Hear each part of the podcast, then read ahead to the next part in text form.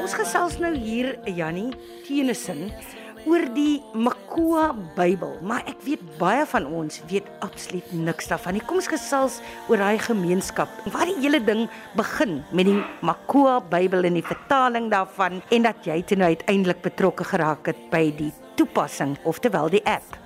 Ja, dankie. Heidi is lekker om met jou te gesels vandag. Ek is nog opgewonde. Ons was nou net laasweek teruggekom van die inwyding van die Makua Bybel, maar soos jy sê, die storie kom 'n ver pad. In die 90's, uh, onthou ek, was ons in PE 'n klomp vriende en iemand het ons gekontak en gesê hulle weet van 'n onbereikte volkegroep in die noorde van Mosambiek, net suid van die Tansanië grens in Nyasa provinsie. En ons het met 'n klein vliegtuigie gaan ondersoek instel en die mense gaan opsoek. Die mense was in 'n ellendige toestand in daai dae want was in die middel van die oorlog, geweldige nood, maar ons het ook die geestelike nood gesien. En van my vriende wat saam gegaan het, het dadelik 'n roeping gevoel van die Here af om soontoe te gaan en uh, die sendeling wat vandag nog daar is, Fritz van der Merwe Merwe en sy gesin, Fritz en Nikki, hulle het hulle goed opgepak in 'n vraghouer en hulle het soontoe verhuis na daai provinsie. Hulle het vir jare daar in 'n tent gewoon.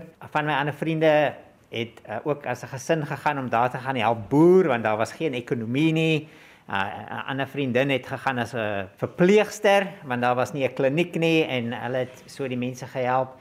So so die werk begin in so in die 19 98 het 'n het 'n ander nuwe fase begin toe dokter Gerard Olivier en sy gesin ook verhuis het. Hy is 'n 'n taalkundige en 'n en 'n teoloog uh en hy het gegaan om die Bybel te vertaal.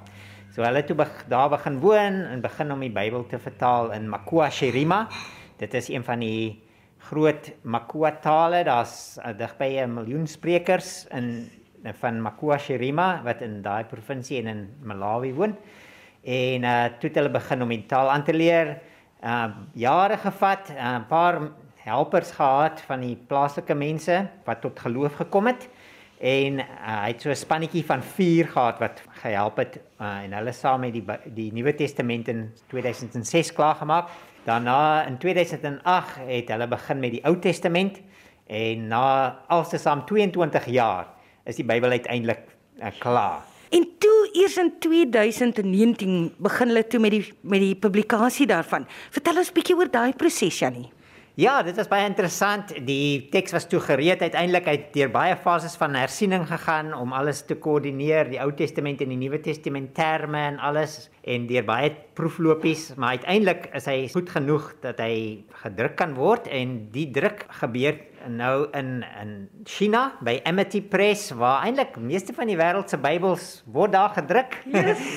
en sou mens nou nie dink in 'n kommunistiese land nie, maar dit is wat gebeur en so ehm um, geld is ingesamel. Daar was klomp uh gemeentes en veral in Pennsylvania in Amerika het mense geld ge, geskenk sodat die Bybel gedruk kan word, maar ook in Suid-Afrika was daar baie mense wat bygedra het. En um, ek het ingekom om te help om die bronteks uh, elektronies te verwerk in die regte formaat te kry vir publikasie vir bladuitleg en ook vir die elektroniese publikasie daarvan in in die uh, Digital Bible Library uh, en dan ook in die YouVersion uh, toep. Kan ek by jou hoor as jy eerlik moet sê, wat was vir jou uiters uitdagend? My tegniese verwerking daarvan was nie so uitdagend soos die soos Gerard hulle wat die taal moes aanleer nie. so ek is maar baie dankbaar dat ek nie hoe die taal hoef te verstaan nie. Ek ek verwerk dit maar net. Maar daar is 'n paar uh, uitdagings gewees uh, om die die bronteks was in 'n woordverwerker leer gewees en dit moet omgeskakel word in 'n uh, USFM is 'n standaard waar al die elektroniese Bybels van die wêreld um, ingestoor word en daar moet 'n omskakeling gebeur. So wat baie uh sien nie tergend was is om uh seker te maak dat daar nie 'n versie of twee verlore geraak het in die proses nie of 'n of 'n paar woorde of of selfs hoofstukke nie. Omdat die Bybel so baie verse het kan mens nie alles met jou hand en met jou uh een vir een nagaan na die omskakeling nie. So ons het baie um toetse geskryf om seker te maak daar was alles daar. Dat niks verlore gegaan nie of daar uh aan die einde het ons ontdek oeps een hoofstuk was dubbel.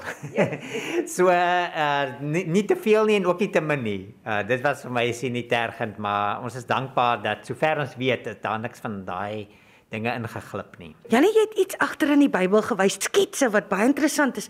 Vertel vir ons luisteraars hoe dit werk. Dis nou in die Makua Bybel. Ja, die Makuas, hulle woon daar in die noorde van Mosambiek. Dit grens aan die Malawi meer, so hulle het al die Malawi meer gesien, maar hulle het nog nie regtig 'n groot skip gesien. Hulle het 'n klein riviertjie wat daar deurloop, so baie van hulle het nog nie 'n 'n skip gesien nie of daar's baie soorte vrugte wat in die Bybel genoem word. Ek blaai nou sommer hierso en ek sien 'n granaat en 'n palmboom en daai tipe van dinge ehm um, wat hulle nou nie in hulle taal het nie want hulle het nie sulke vrugte daar nie. Agterin is daar 'n woordlys en dan is daar sketsies ook by om te te, te teken hoe lyk hoe hoe lyk dit? Hulle het byvoorbeeld nie 'n swaard nie, hulle het meer 'n spies. So hulle teken hoe lyk 'n soldaat met 'n swaard en, eh, en so aan. So dit is ehm um, woorde wat in die Bybel gebruik word en dan is daar agterin kan hulle kyk hoe lyk dit as hulle twyfel. Van waar daai absolute hart vir hierdie soort dinge? Ek wil bietjie meer weet oor wie Janie Tennyson werklik is. Bietjie agtergrond dalk? Ja, nee, ek dink ehm um, sjoe, toe ek die die Here my gevind het, het ek baie opgewonde geraak oor die vryheid en die en die vreugde wat wat dit vir mens bring as jy aan die Here behoort. So van toe af as ek het ek 'n hart gehad om met ander mense te deel. Die Here het my ge uh, geroep om 'n sendeling te wees op een stadium. en uh, toe uh, toe het hy my 'n vrou gegee en so ons het toe saam die Here begin dien. Ons het op 'n stadium in Thailand gewerk vir 'n paar jaar. Ons kinders is ook daar gebore en so aan. Ek is opgelei as 'n elektroniese ingenieur en daardie vaardighede kan gebruik word in die koninkryk.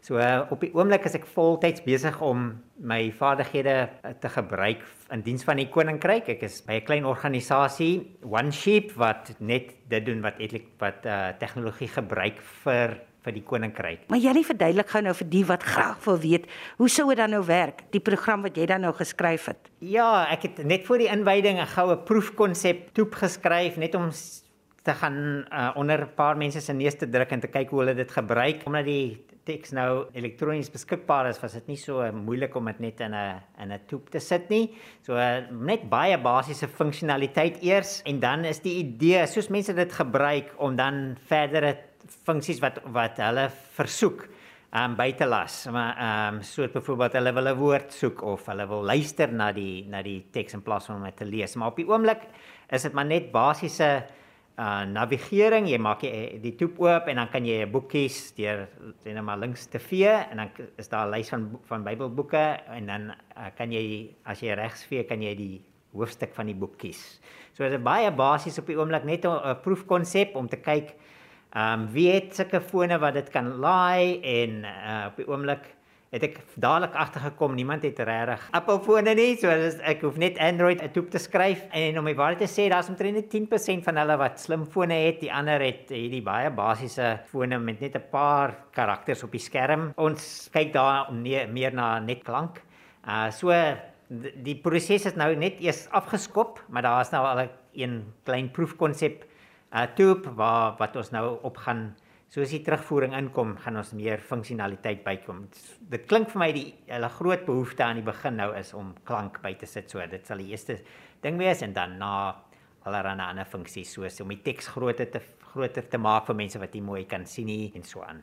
As jy nou terugdink aan hoe jy daai wêreld ervaar het, sou jy wou teruggaan? Ek ek ek het nou vir die eerste keer na 30 jaar weer soontoe gegaan en ek's nog baie lief vir Mosambiek. Dit is na in die hart. Dit is 'n dis 'n plek wat ek baie geïnvesteer het in uh ek ek en my vrou het al 'n paar keer op werkerskampe so toe gegaan.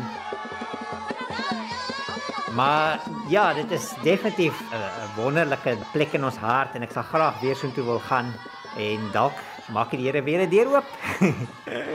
Mens weet regtig nooit. Jannie, as jy nou klaar is hiermee heeltemal wat wat bly dan nou nog oor? Wat 'n groot droom?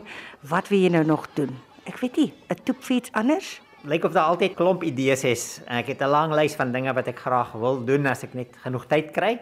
Uh, iets wat vir my baie na in die hart is is om Uh, omdat ons by One Sheep is daar baie koninkrykswerk wat gedoen moet word in in met tegnologie en ons kry nie als gedoen nie. So ons uh, het 'n lang vakature lys wat ons mense soek om uh, by ons aan te sluit en te help. Daar is maar tekort aan hierdie tipe gespesialiseerde tegniese skills. So iets wat baie naby aan my hart is is om mense op te lei om die werk te doen dat ons nie hoef te wag en en te soek vir mense wat wat gekwalifiseer is nie. So ehm um, dit is iets wat vir my baie na in die hart is en hooplik sommer in die proses 'n uh, darme salarisie te betaal terwyl hulle leer so om die pot aan die kook te hou maar dan as hulle reg is kan ons hulle inspann eh, om te help bou aan al die dinge en onderhou aan al die dinge wat ons bou. Hulle kan gaan kyk by oneship.org org.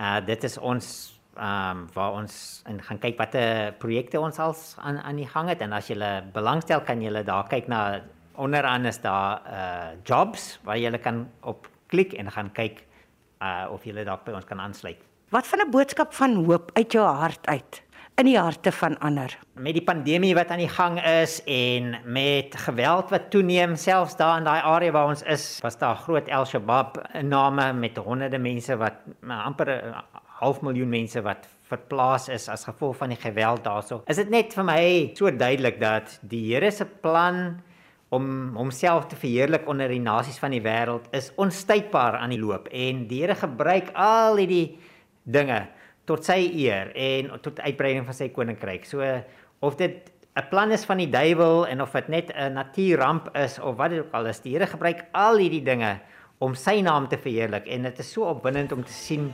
dat sy plan loop. Mense ontvang die Bybel na 22 jaar. Die lig stroom in. As mens vergelyk hoe het uh, Mapula gelyk toe ons die eerste keer gegaan het en hoe dit nou daar lyk. So dit is baie baie opwindend. Ons moenie moed verloor nie. Die Here sal nooit vir Jesus verniet laat sterf het sonder om vir hom 'n groot prys en 'n bereid voor te berei. Kom